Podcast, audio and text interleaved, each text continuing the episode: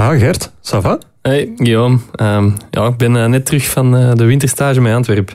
Maar ehm, wat ik wilde vragen, eh, die podcast, daar beginnen wij toch volgende week mee? Hè? Ja, ja, dat klopt volledig.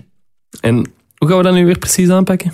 Ah, wel, jij, Lars en ik komen elke maandagmiddag samen in de radiostudio's van Energy en Nostalgie om te praten over het voetbal en de actualiteit van de week voordien.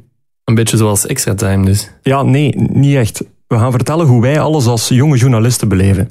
Dus jij als Antwerp-watcher die alle perszalen van het land afschuimt en ik die eh, overal en nergens opduik en wat tactisch analyseer. Allee, onze persoonlijke ervaringen in de voetbalwereld. En de persoonlijke ervaring van Lars dan? Ja, die, die heeft dat nauwelijks. Dat is een eindredacteur. Hè. Die komt gewoon wat moeilijk doen, denk ik. Oké, maar ehm, hoe gingen we het nu weer noemen? Welke naam gingen we kiezen? Ah ja, ehm, ja wacht, eh, Lars weet dat.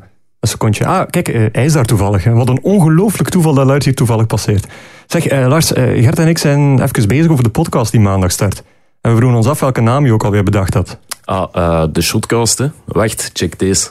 Shotcast. Luister vanaf maandag 21 januari elke week naar voetbaljournalisten Guillaume, Gert en Lars. In de allereerste podcast van het Nieuwsblad. De Shotcast. Te vinden via uw vertrouwde podcast-apps en de site van het Nieuwsblad.